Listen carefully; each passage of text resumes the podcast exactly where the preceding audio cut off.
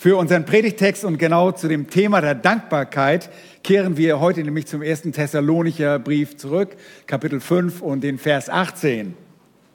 Und da befinden wir uns in der Mitte einer staccatoartigen Abfolge von Geboten.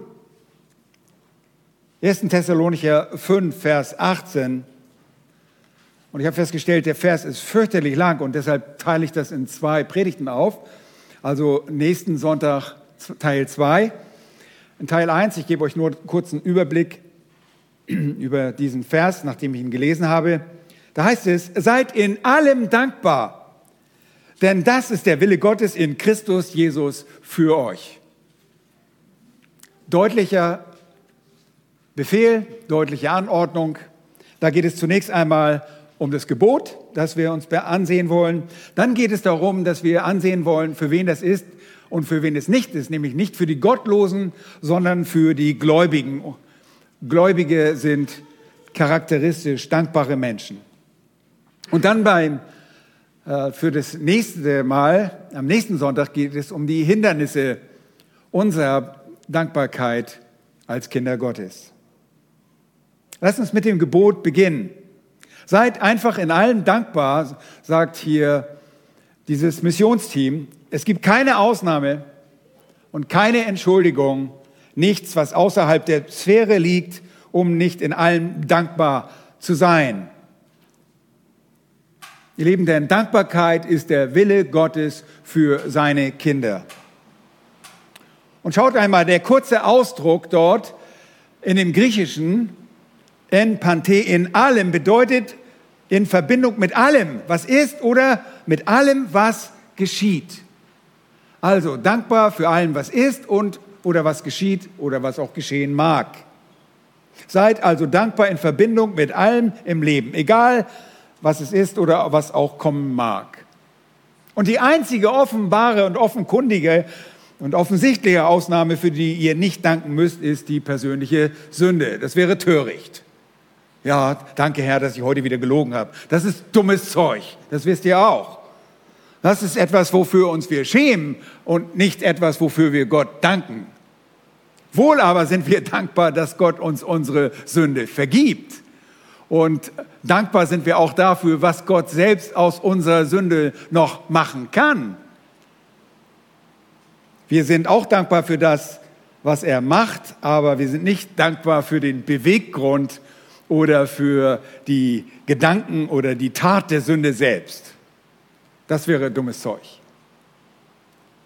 Sünde ist in sich nur grässlich und kein Grund zur Dankbarkeit.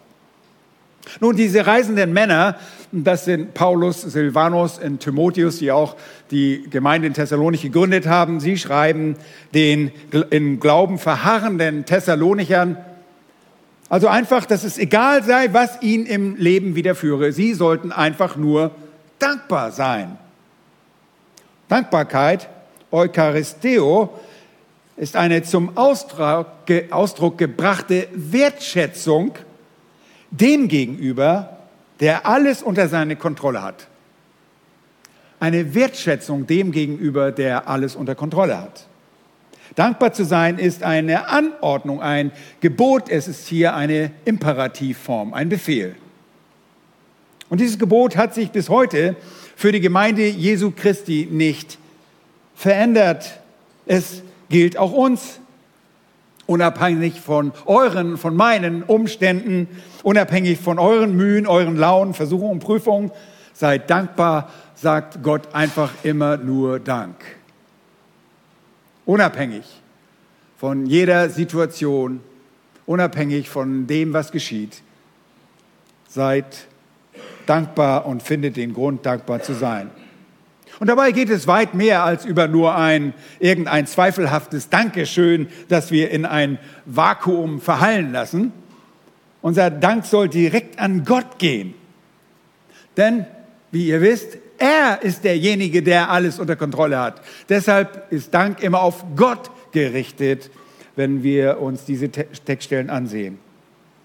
Und Dankbarkeit ist der Kern, der Kern unseres christlichen Lebens und wir werden gleich noch mehr davon hören, Es ist charakteristisch sogar für ein Kind Gottes, dass wir dankbar sind. Und dennoch brauchen wir dieses Gebot.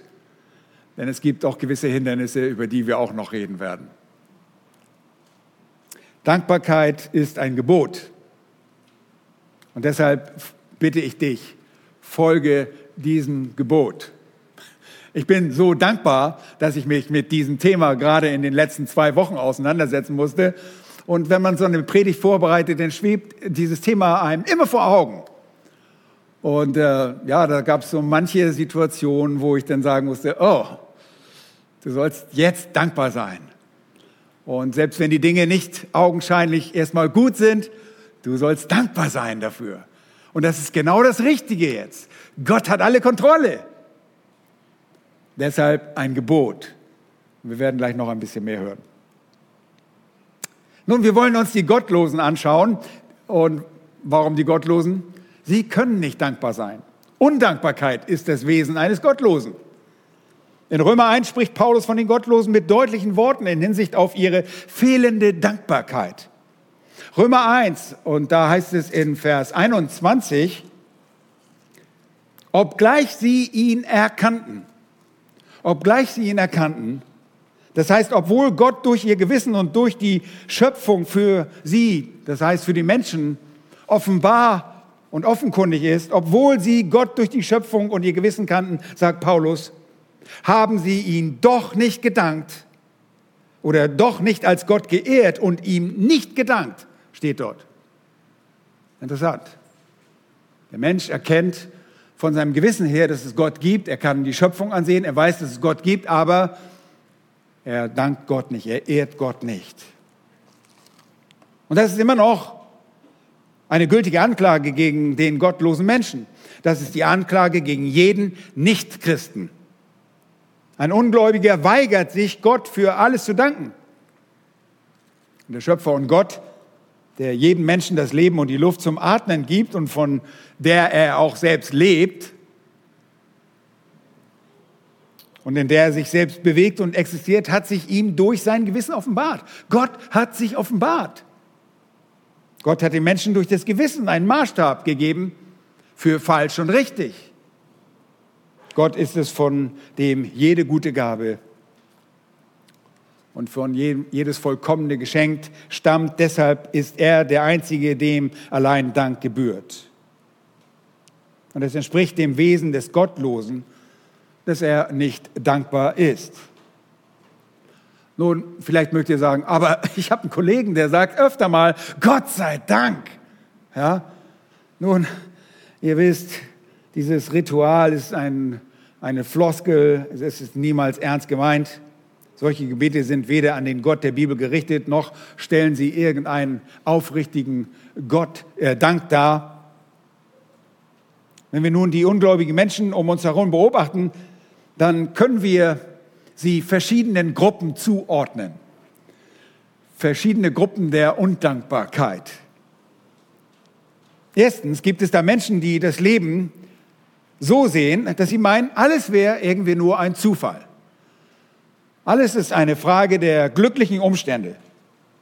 Und diese Menschen denken, dass es sich bei den Dingen im Leben lediglich um eine glückliche Abfolge von Ereignissen handelt.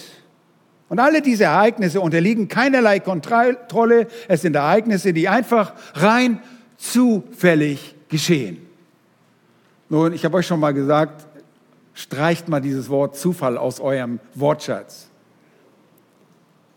Wenn die Dinge dann für sie nicht so laufen, für diese Menschen, oh, dann ist es auf einmal für sie nicht mehr so lustig. Dann werden sie griesgrämig, dann werden sie verärgert und ihr Leben nimmt aufgrund dieser Dinge häufig dann auch einen sehr bitteren Beigeschmack. Obwohl sie sogar manches Mal versuchen, die Glücksfaktoren des Lebens zu beeinflussen, Lotto, Toto und was nicht alles, was sie alles äh, benutzen, um ihr Glück herbeizuführen.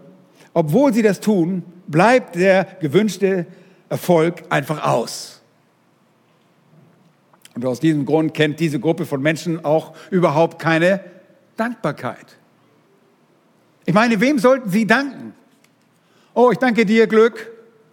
Nein, sie, sie haben niemanden, dem sie danken können, weil für sie Gott nicht existent ist. Dem Glück kann man nicht danken. Und obwohl es Menschen gegeben hat und es für sie noch und diese Menschen auch noch geben soll, die der Fortuna, der Glücks- und Schicksalsgöttin der römischen Mythologie Ehre erweisen, ist das natürlich ein Ding der Unmöglichkeit. Im Herzen dieser Zufallsmenschen existiert absolut keine Dankbarkeit. Und auf jeden Fall nicht im biblischen Sinne. Und das wenig Gute, das ihnen geschehen mag, das schreiben sie dem Glück oder einem Schweinchen zu. Kennt ihr sicherlich. Er habe oh, voll, wieder voll Schwein gehabt. Nun, an allen anderen, wo sie kein Schwein haben, haben sie dann missfallen. Sie sind notorisch undankbar über das ihnen verbliebene Trostpreisferkel. Ja, so nennt man das. Nun, sie können niemandem danken. Zweitens, du hast so einen Ferkel, ne? Ach, das ist Lottas. Okay, alles klar. Zweitens gibt es unter den undankbaren Menschen solche, die wir als Fatalisten bezeichnen können. Sie glauben nicht unbedingt, dass alles irgendwie dem Zufall unterliegt. Ihrer Meinung nach gibt es irgendeine äh, unaufhaltsame Macht da draußen, vielleicht sogar eine kosmische Intelligenz. Aber egal, was Sie da genau glauben, für Sie gibt es eine gewisse Unvermeidlichkeit. Und diese Unvermeidlichkeit ist vielleicht durch die Sterne oder irgendeine andere Sonderbarkeit in ihrer eigenen Denkweise vorherbestimmt. Irgendwie geht alles nur so zwangsweise voran. Und diese Menschen akzeptieren das nur auf eine Art fatalistische, widerwillige Art und Weise, weil man ja schließlich die Dinge im Leben nicht ändern kann. Es ist halt alles so, wie es ist. Das ist halt mein Schicksal, hört man sie sagen. Dagegen kannst du eh nichts machen, sagen sie dann. Nun, wem sollten diese Menschen für die guten Dinge danken, die sich in ihrem Leben eventuell ergeben? Nun, es gibt auch für diese Gottlosen niemanden, für diese Fatalisten niemanden, dem sie danken könnten. Schließlich ist das, was an sie glauben, eine namenslose Macht, etwas, was sie nicht identifizieren können. Es ist keine Persönlichkeit. Wie sollte, sollten sie dieser Macht oder Kraft danken? Also, weder die Zufallsmenschen noch die Fatalisten sind dankbare Menschen. Drittens gibt es eine Gruppe gottloser Menschen und sie gehören in in diese Gruppe gehören diejenigen, die der Meinung sind, sie könnten das Leben irgendwie selbst kontrollieren. Sie sind meist positive Denker, denen auch erstaunlich, manchmal sehr viel, erstaunlicherweise sehr viel gelingt. Und sie sind häufig erfolgreiche Geschäftsleute und viele scheint ihnen wirklich zu gelingen. Und zunächst können sie den Grund für ihren Erfolg gar nicht fassen.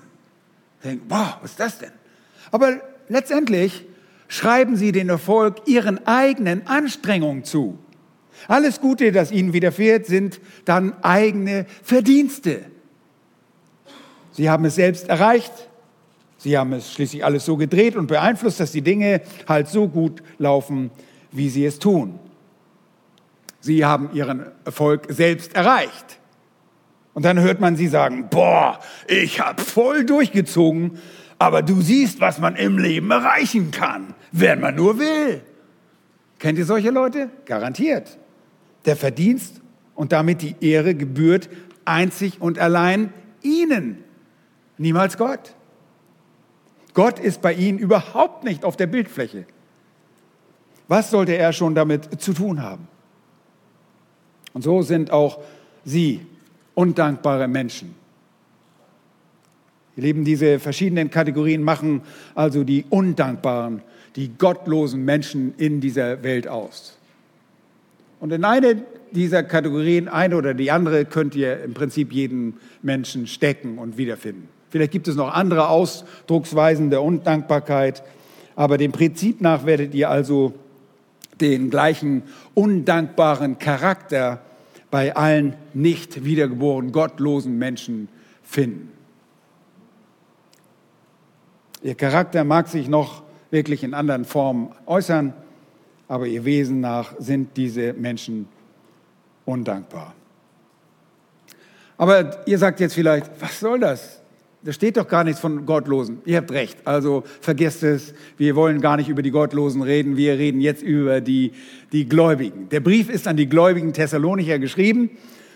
Der Text ist nicht an Gottlose gerichtet, sondern an die Gläubigen. Und deshalb schauen wir uns drittens die Gläubigen an und ihre Dankbarkeit. Nun, wenn ein Mensch nun zu Christus kommt, und das waren die Thessalonicher, sie sind zu Christus gekommen, sie waren eine im Glauben junge Gemeinde. Immer dann, wenn ein Mensch zum Glauben kommt und sich vor ihm, vor Gott demütig beugt und Buße tut, das ist ein Christ, dann ändern sich die Dinge in Bezug auf die Wertschätzung der Dinge im Leben.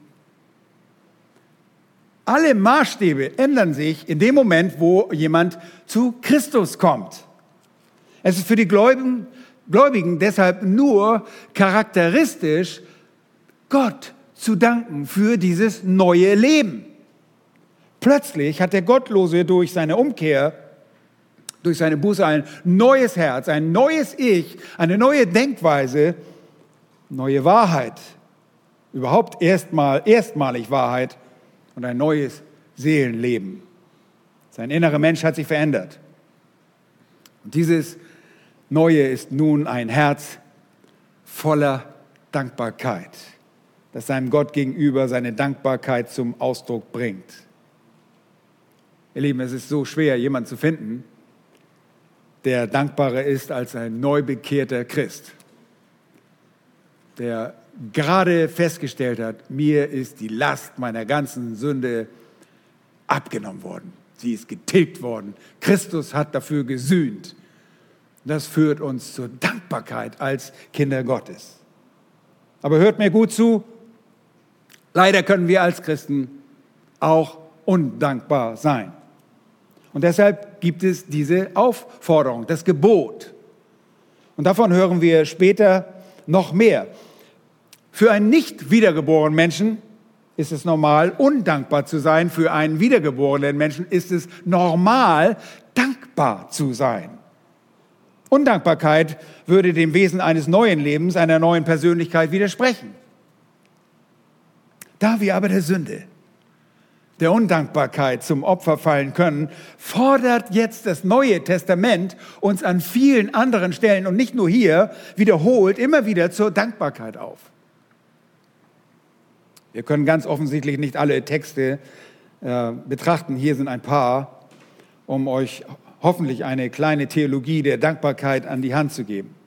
Und die Kernstelle dafür, die alles sehr gut für uns Gläubige zusammenfasst, und die für uns zur Dankbarkeit, die uns zur Dankbarkeit führt und motiviert, ist Römer Kapitel 8.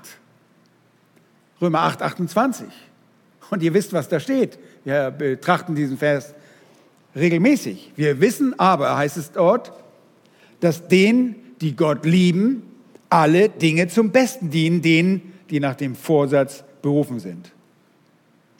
Alle Dinge dienen zum Besten. Und das umfasst, hört gut zu, jeden Aspekt eures Lebens und meines Lebens.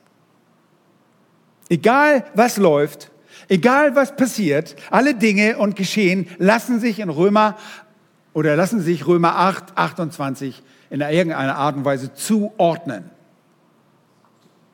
Alles im Leben kommt von Gott, damit es zu unserem Besten dient. Nun, und dabei mag ein Geschehen an sich nicht gut sein, aber Gott wird selbst etwas Schlechtes oder Boshaftes nehmen und es zu einem guten Zweck für unser Wohl und unsere ewige Herrlichkeit nutzen. Und da wir im Glauben leben, dass Gott über allem souverän ist und selbst alle Eventualitäten des Lebens unter Kontrolle hat und Gott auch jedes Element zu einem souverän konzipierten Ziel für euer Bestes und eure Herrlichkeit zusammenfügt. Deshalb könnt ihr alles im Leben bewältigen und dafür sogar noch dankbar sein. Was meinst du?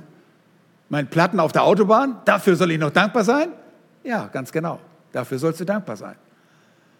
Ist das ein Anlass zur Dankbarkeit? Nein, für das Fleisch nicht. Aber Gott sagt, seid in allem dankbar. Du weißt nicht, wofür Gott das braucht. Vielleicht hat Gott dich gerade in dem Moment vor einem größeren Unfall bewahrt. Nämlich, dass du einen Platten an der Stelle auf der Autobahn hast. Und du wirst zwei Stunden abgehalten, bis der ADAC kommt. Wir wissen es nicht. Gott macht alles richtig. Und alle Dinge, die in unser Leben hineinkommen, die sind nicht irgendwie, die hat Satan. Satan hat mir einen Platten in mein Auto gemacht. Nein, ihr Lieben. Nein. Hört auf. Schreibt diese Dinge Gott zu. Alle Umstände hat Gott in der Hand. Und er lässt nicht nur Dinge zu, er ist aktiv in eurem Leben. Ihr seid seine Kinder, wenn ihr glaubt, und er wird das tun, was er als richtig erachtet. Und die Kenntnis darüber, dass alles zum ultimativen Plan Gottes gehört, ihr Lieben, das ist einfach nur brillant. Und das lässt uns zur Dankbarkeit kommen. Oh Herr, wir danken dir für deine Vorsehung. Denk nur einmal an den Alltag. Ein Mensch kann dankbar für Schmerzen sein, die er bei einer Operation erleidet, weil er davon ausgeht, dass dadurch oder danach Heilung eintritt. Du kannst alles aushalten. Ich weiß, ich hatte jetzt gerade eine Untersuchung gehabt und äh, das war nicht gerade so angenehm. Aber ich habe gedacht, ha, ich habe hinterher ein Ergebnis. Ich weiß, woran ich bin. Also sei mannhaft und stark und geh durch. Kann ich aushalten. Ich weiß es zu meinem Besten. Ein Mensch kann dankbar sein für die Schwierigkeiten, die er in Vorbereitung für irgendetwas durchlebt, wenn er weiß, dass das Ergebnis dieser Vorbereitung Leben verändern wird. Ein Mensch kann dankbar sein für die Schmerzen, die er seinem Körper beim Training spürt, weil er weiß, dass er letztendlich dadurch gesünder oder erstarken wird. Wisst ihr, wir wollen ja alle stark sein und richtig Muskeln haben. Aber wisst ihr, wenn ihr in so einer Muckibude steht und da euren Biegefeder oder was auch immer benutzt oder Gewichte hebt, das reicht nicht, wenn ihr dreimal die Dinger in die Luft steht und dann Muskeln guckt, wo bleiben die Dinger? Das, das, das braucht richtigen Einsatz und das bereitet Schmerz und da gehen Leute durch. Ich höre die Leute manchmal da, oh, und die stöhnen, oh, und, ja, und, und die stöhnen. Aber die gehen da durch, weil sie wissen, das Endergebnis ist, ich werde erstarken. Das nehmen die Leute auf sich. Nun, solange wir uns das Endergebnis und darauf konzentrieren, können wir für einen Prozess dankbar sein, der uns für die Dauer weniger glücklich oder freudig ist. Ich meine, ich kann mir nicht vorstellen, dass es so viel Spaß macht, im Fitnessstudio da Gewichte heben und zu schwitzen. Es sei denn, eine Frau guckt zu, natürlich, dann macht das wieder Spaß. Aber nein, seht ihr, nein, das ist das Endergebnis, wollen wir uns anschauen. Und das Endergebnis ist, dass wir stark werden oder gesünder werden. Und wenn wir eines Tages das Endergebnis von Gottes Wirken erleben werden, wenn er alles in unserem Leben für unser Bestes und unsere Herrlichkeit zusammengefügt hat, dann werden wir staunen und überglücklich sein. Und dann wirst du nicht zurückgucken und sagen, oh, das war so schrecklich auf der Autobahn. In der Hitze habe ich einen Platten gehabt. Das interessiert dich gar nicht mehr. Du wirst an die alte Welt gar nicht mehr denken. Wenn wir eines Tages das sehen, was Gott daraus macht, und wir wissen, dass er das tut, deshalb Lasst uns jetzt dankbar sein. Deshalb können wir jetzt bereits für alles und in allem dankbar sein. Es ist nicht verwunderlich, dass wir manchmal trotz dieser Kenntnis dennoch nicht dankbar sind. Ihr Lieben, die frühe Gemeinde, die junge Gemeinde in der Apostelgeschichte zeichnete sich durch Dankbarkeit aus. Und der Apostel Paulus schreibt in 1. Korinther 15, äh, Kapitel 14, die Verse 16 und 17 fast nebenbei, wo der Apostel Paulus der Gemeinde in Korinth schreibt, weil ihr einige der Mitglieder ekstatisch, äh, ein ekstatisches Gelalle von sich gaben, eine Verdrehung der Sprachen. Das sagt er in Verse 16 und 17 ein paar interessante Dinge in Hinsicht auf die Dankbarkeit. Da heißt es, 1. Korinther 14, 16 und 17, Sonst, wenn du mit deinem Geist den Lobpreis sprichst, wie soll der, welcher die Stelle des Unkundigen einnimmt, das Amen sprechen zu deiner Danksagung? Da er nicht weiß, was du sagst. Du magst wohl schön Dank sagen, aber der andere wird nicht erbaut. Wenn ihr also vor euch dahin lallt, irgend so ein Gibberisch, irgendein so ein Durcheinander dahin herredet, was keine Sprache ist, so dass es keiner versteht, wie soll man Dank sagen dazu? Ihr könnt nicht mal Amen sagen. Der kleine Einblick, den wir hier erhalten, ist, dass die frühe Gemeinde bei ihren Treffen Gott Dank gesagt haben. Es gab Danksagung. Deshalb, ihr Lieben, wenn ihr euch nächstes Mal äh, zum Hauskreis trefft, räumt eine Zeit für Danksagung ein.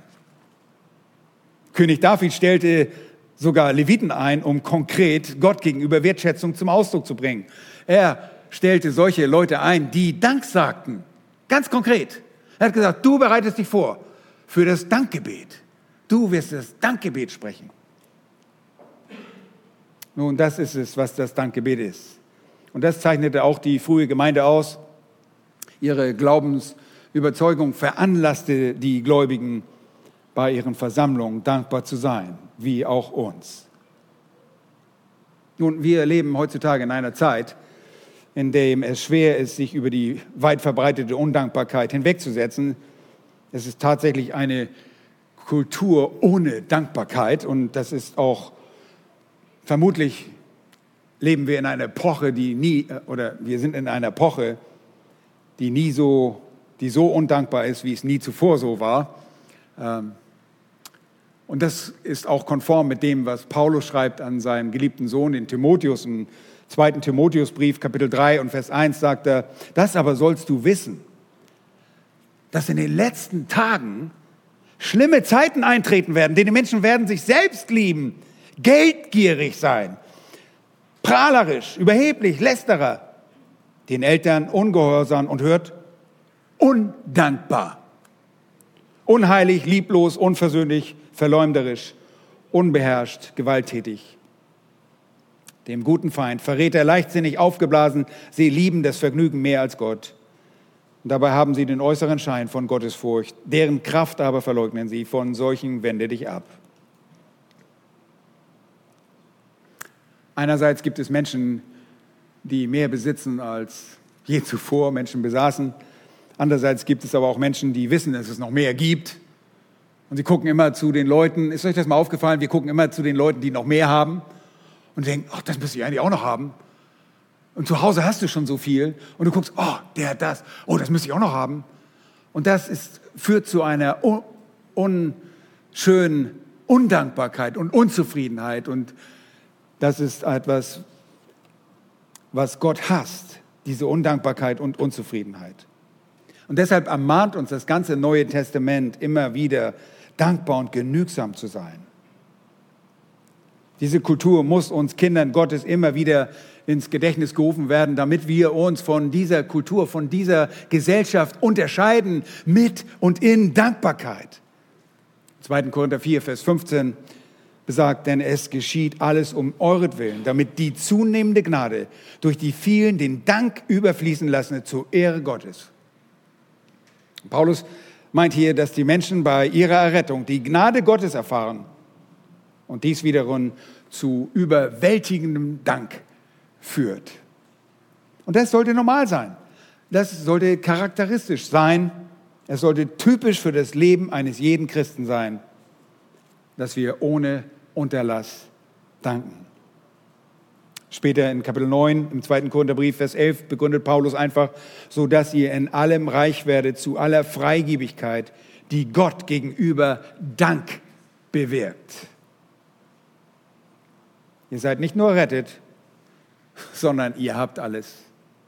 In Vers 10 heißt es, er aber, der dem Seemann Samen darreicht und Brot zur Speise, er möge euch die Saat darreichen und mehren und die Früchte eurer Gerechtigkeit wachsen lassen Lieben, Gott hat euch alles zuteil werden lassen. Gott hat euch Brot zur Speise gegeben. Gott wird euch Samen zur Aussaat geben. Gott lässt die Früchte eurer Gerechtigkeit wachsen.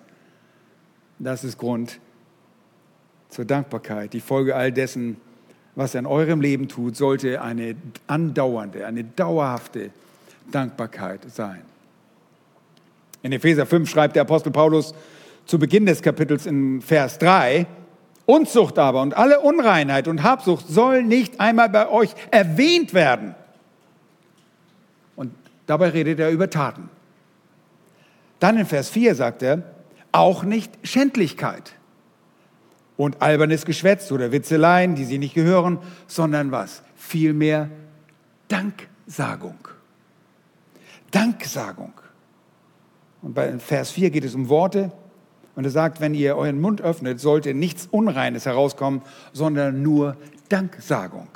Danksagung ist gewissermaßen das Gegenmittel für die Unzufriedenheit des Lebens, die uns zur Unreinheit und Schändlichkeit äh, verleitet oder da rein rutschen lässt. Christen sollten für ihre Dankbarkeit bekannt sein. Sie sollte konstant sein. Das ist, was, was es heißt, dankbar in allem.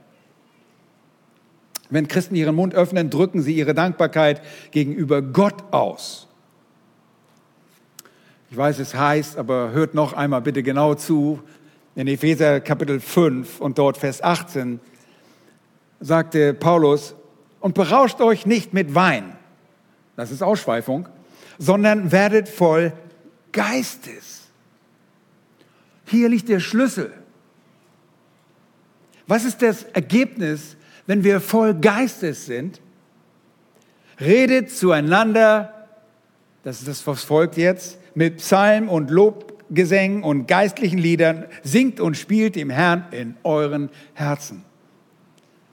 Ihr Lieben, das Ergebnis der Fülle des Geistes ist Freude, ist Gebet, ist Lobpreis und wird Danksagung sein.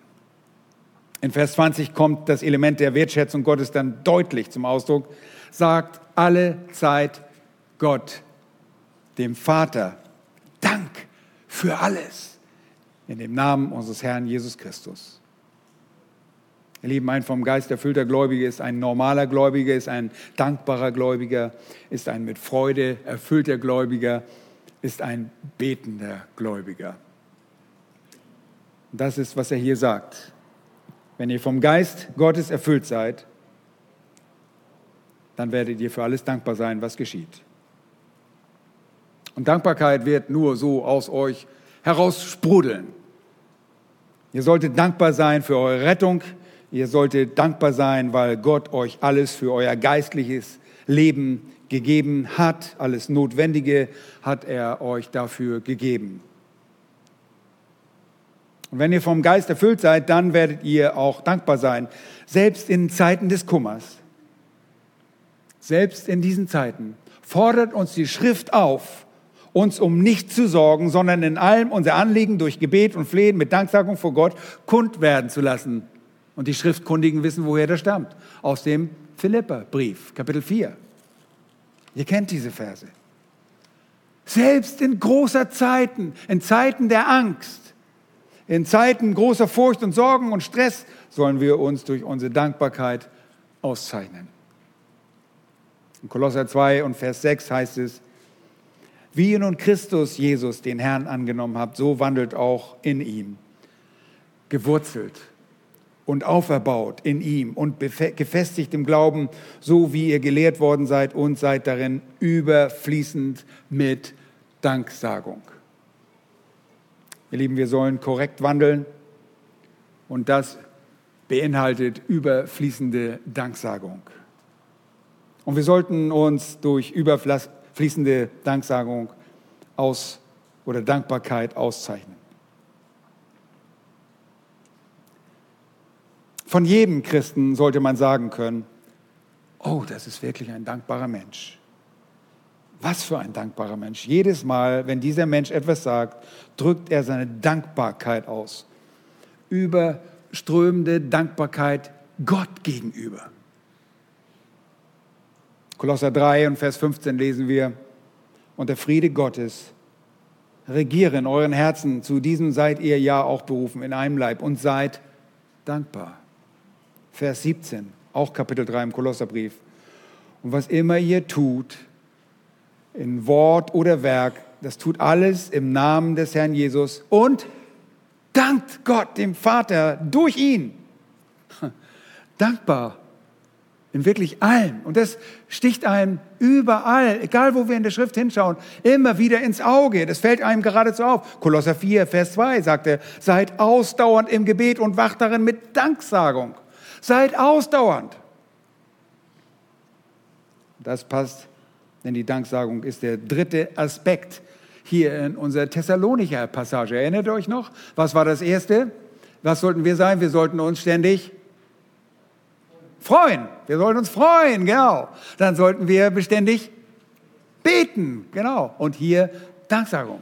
Das sind Drillinge, die gehören hier zusammen. Eineiige Drillinge. Gibt es sowas? Ja, gibt es, natürlich gibt es sowas. Äh, die gehören zusammen. Das passt. Da heißt es, die erste ist Freude, Vers 16, das zweite ist Gebet, Vers 17, das dritte ist Dankbarkeit. Und hier finden wir die Verantwortung des Gläubigen vor dem Herrn in Bezug auf seine innere Einstellung. Es soll innerlich von unablässiger Freude, fortwährenden und niemals endenden Gebet und konstanter täglicher Danksagung und Dankbarkeit geprägt sein. Eben das ist das Wesen und das ist das Muster, das uns hier vorgegeben wird. Nun, ich äh, sehe die Uhr so, wie ihr sie auch seht. Meine Frage ist nur, wie können wir diese Dankbarkeit bewerkstelligen? Können wir das überhaupt? Können wir dankbar sein? Können wir diesem Befehl unseres Herrn durch Paulus und seine Begleiter folgen? Nun ja, denn wir sind durch ihn gestärkt worden und letztlich ist er es. Er ist derjenige, der alles bewirkt. Es ist nicht nur Gottes Wille, das zu wollen, dass wir dankbar sind, sondern es ist Gottes Wille, das herbeizuführen. Der Philipperbrief sagt in Kapitel 2, Vers 13, denn Gott ist es, der euch sowohl das Wollen als auch das Vollbringen wirkt nach seinem Wohlgefallen. Gott wirkt in euch diese Dankbarkeit. Oh, dann brauche ich ja nichts mehr tun, oder? Oh, wir reagieren auf das, was Gott in uns tut. Und das bedeutet, er will es und er bringt es hervor. Und genau aus diesem Grund müsst ihr vom Heiligen Geist erfüllt sein. Dann kommen die Dinge. Dann ist es nicht eine große Mühe. Oh, ich muss mich wieder bedanken bei Gott. Oh, nicht schon wieder. Ich habe doch gestern erst Danke gesagt. Warum denn schon wieder? Sondern dann wird es sprudeln. Die Quelle ist der in uns heilige, lebende Heilige Geist, der uns zur Dankbarkeit veranlasst. Und in dem Sinne bewirkt Gott diese Dankbarkeit in euch. Und nicht ihr selbst und sagt, oh, nicht schon wieder Dank sagen. Das ist so langweilig. Ich muss immer wieder dasselbe runterleiern. Das ist kein Runterleiern. Das ist etwas, was wir von Herzen gerne tun, weil unser Herz davon voll ist und wir wirklich dankbar sind. Und das ist das Normale, das ist der Standard, weil ihr in diesem neuen Leben vom Geist erfüllt werden wird. Nun, jetzt sagst du, ich wünschte, das wäre alles so. Ich wünschte, ich würde den Herrn ständig loben und zum Herrn beten. Ich wünschte, dass ich ihm für alles danken, egal was auch geschieht. Aber ich tue das nicht immer. Nun, dafür gibt es eine Erklärung, ihr Lieben. Und die Erklärung ist die, dass du immer noch was bist, sündhaft. Ist dir schon mal aufgefallen? Wart ihr schon mal undankbar? Natürlich, keiner sitzt hier, der nicht undankbar war. Dein Fleisch lebt und du lässt es gelegentlich leben. Und das soll nicht so sein. Aber das ist die Realität und das Grundproblem und deshalb müssen wir diese Dinge ganz gezielt angehen. Dieses wieder auftauchende Problem der Sünde müssen wir gezielt angehen. Wir müssen alle deshalb dieses Problem der Undankbarkeit, die wir selbst noch als Kinder Gottes haben, ganz gezielt angehen. Wie können wir das schaffen?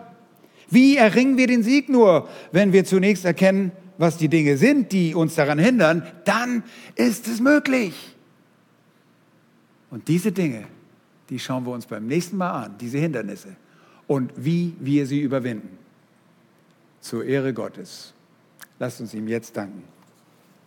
Herr, wir sind dir dankbar von ganzem Herzen dafür, dass du uns ein neues Herz gegeben hast dass wir diese Dinge erkennen können, was du für uns getan hast. Es ist dein Verdienst, dass wir Kinder Gottes heißen. Wir schreiben uns nicht unsere Erlösung zu. Der Glauben ist ein, eine Gabe Gottes, damit wir uns nicht selbst rühmen, sondern alle Ehre gebührt dir. Du bist der Erlöser. Wir sind schwach. Wir waren geistlich tot und du hast uns zum Leben erweckt. Wir waren ungläubig, haben dich verspottet und verlacht. Du hast uns diesen Glauben an dich geschenkt. Wir dürfen dir glauben. Wir dürfen dir vertrauen.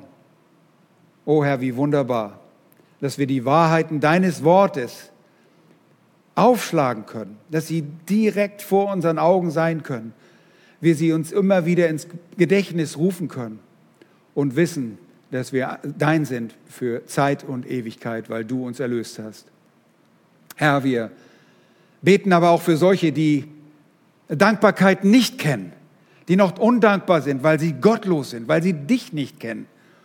O Herr, dann ist Dankbarkeit eine Quälerei, etwas Lästiges. Und sie kommt niemals vom Herzen, sie ist nur eine formelle, rituelle Handlung. Herr, wir bitten dich, erbarme dich der Undankbaren, derjenigen, die dich nicht erkannt haben als Erlöser. Rette sie heute. Herr, du bist jemand, der seine Hand ausstreckt und bittest, folge mir nach, tue Buße, diene mir. Und du wirst niemanden hinausstoßen, der zu dir kommt. Herr, in dieser Dankbarkeit wollen wir auch leben. Aus Dankbarkeit und im Hinblick auf die große Barmherzigkeiten, die du uns erwiesen hast, wollen wir dir unser Leben geben als ein dir wohlgefälliges, lebendiges, heiliges Opfer, das wir uns für dich geben. Oh Herr, das ist so schwer. Aber immer wieder wollen wir uns neu ausrichten, Kraft deines Geistes dies tun, uns unsere Gesinnung erneuern und dann auch Opfer bringen, die Opfer unserer Lippen, Dankgebet als ein Opfer unserer Lippen. Wir wollen dir Dank sagen, denn das ist dir wohlgefällig und das ehrt dich. Und so danken wir dir auch für diese Aufforderung des Missionsteams an die Thessalonicher und wir wollen sie auch uns zu Herzen nehmen. Dass wir nicht gleichgültig gegenüber dem sind, was du getan hast, wer du bist und wie du handeln wirst. Dir sei Lob, Preis und Ehre, Anbetung und Danksagung für alle Zeit. Amen. Amen.